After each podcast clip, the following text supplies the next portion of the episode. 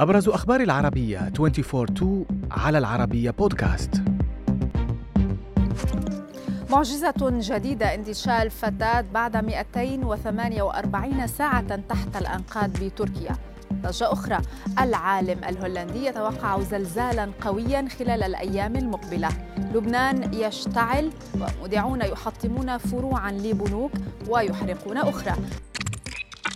في اليوم الثاني عشر على وقوع الزلزال المدمر تمكنت فرق الإنقاذ التركية من إخراج فتاة من تحت أنقاض مبنى منهار في إقليم كهرمان مرعش تقارير محلية أفادت بأن الفتاة البالغة من العمر 17 عاما ظلت عالقة تحت أنقاض منزلها لأكثر من 248 ساعة وصفة ما حدث بأنه معجزة. خصوصا أن فرق الإنقاذ الطبي التركية تقول إن بوسع من هم تحت الركام البقاء على قيد الحياة. الحياة بشكل عام لمدة تصل إلى خمسة أيام لكن أي شيء يتجاوز الخمسة أيام يعتبر من المعجزات.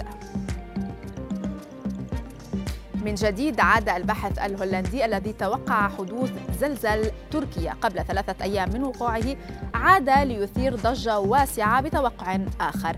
فرانك هوجر بيتس تحدث في تغريدة عن وقوع هزة ارتدادية أقوى قد تحدث بوسط تركيا أو حولها في الأيام المقبلة وبقوة ست درجات.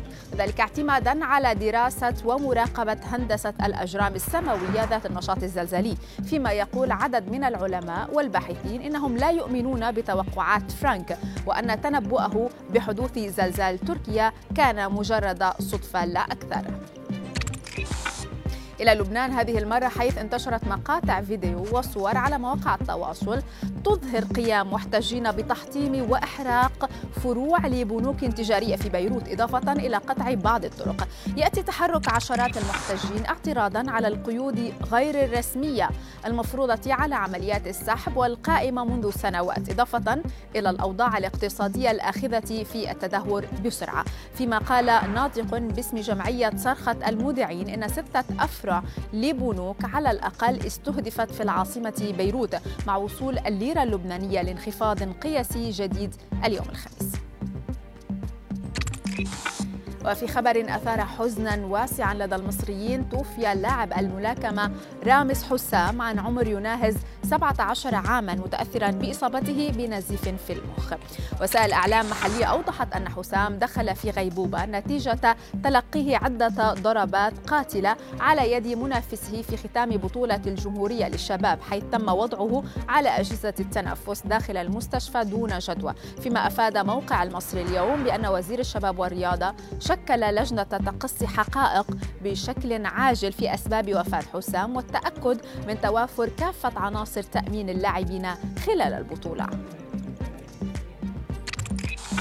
وفي خبرنا الأخير شخص أطباء الأعصاب في عيادة الذاكرة في الصين إصابة فتى يبلغ من العمر 19 عاما بمرض الزهايمر مما يجعله أصغر شخص يتم تشخيصه بهذه الحالة في العالم.